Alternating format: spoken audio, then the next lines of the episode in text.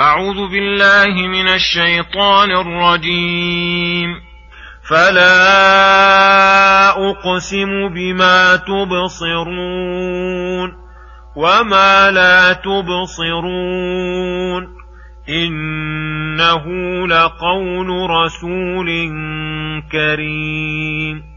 وما هو بقول شاعر قليلا ما تؤمنون.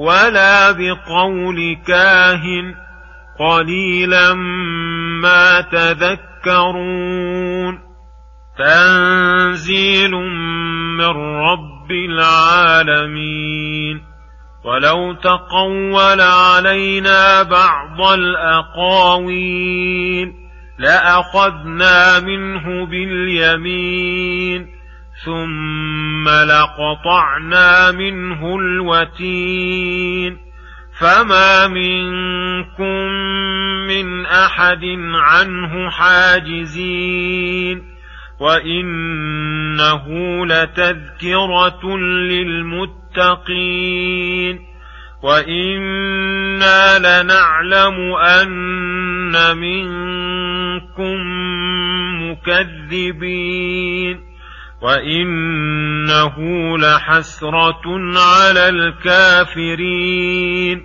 وانه لحق اليقين فسبح باسم ربك العظيم بسم الله الرحمن الرحيم.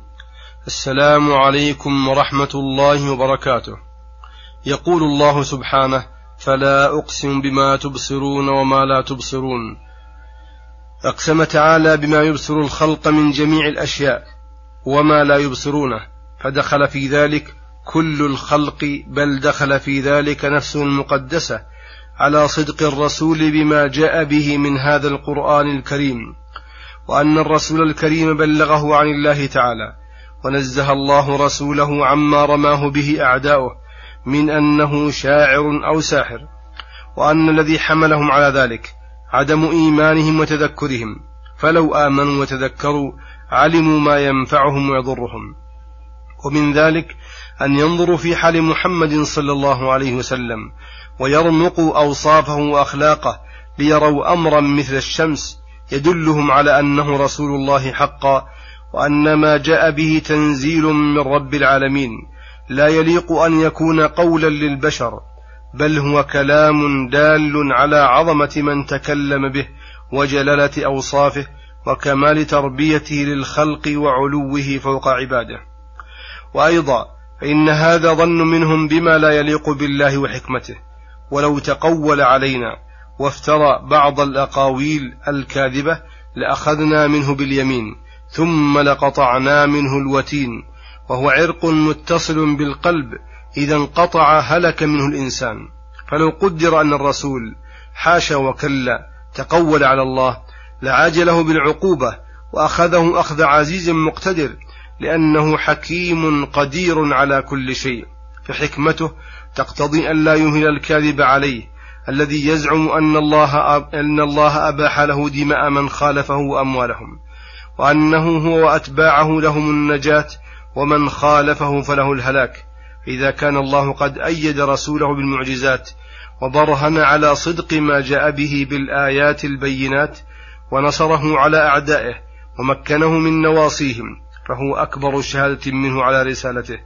وقوله فما منكم من أحد عنه حاجزين أي لو أهلكه ما امتنع هو بنفسه ولا قدر أحد أن يمنعه من عذاب الله. وإنه أي القرآن الكريم لتذكرة للمتقين. يتذكرون به مصالح دينهم ودنياهم فيعرفونها ويعملون عليها. يذكرهم العقائد الدينية والأخلاق المرضية والأحكام الشرعية. فيكونون من العلماء الربانيين والعباد العارفين والأئمة المهديين. وإنا لنعلم أن منكم مكذبين به وهذا فيه تهديد ووعيد للمكذبين. وأنه سيعاقبهم على تكذيبهم بالعقوبة البليغة وإنه لحسرة على الكافرين فإنهم لما كفروا به ورأوا, ورأوا ما وعدهم به تحسروا إذ لم يهتدوا به ولم ينقادوا لأمره ففاتهم الثواب وحصلوا على أشد العذاب وتقطعت بهم الأسباب وإنه لحق اليقين أي أعلى مراتب العلم فإن أعلى مراتب العلم اليقين وهو العلم الثابت الذي لا يتزلزل ولا يزول واليقين مراتبه ثلاثة كل واحدة أعلى مما قبلها. أولها علم اليقين وهو العلم المستفاد من الخبر.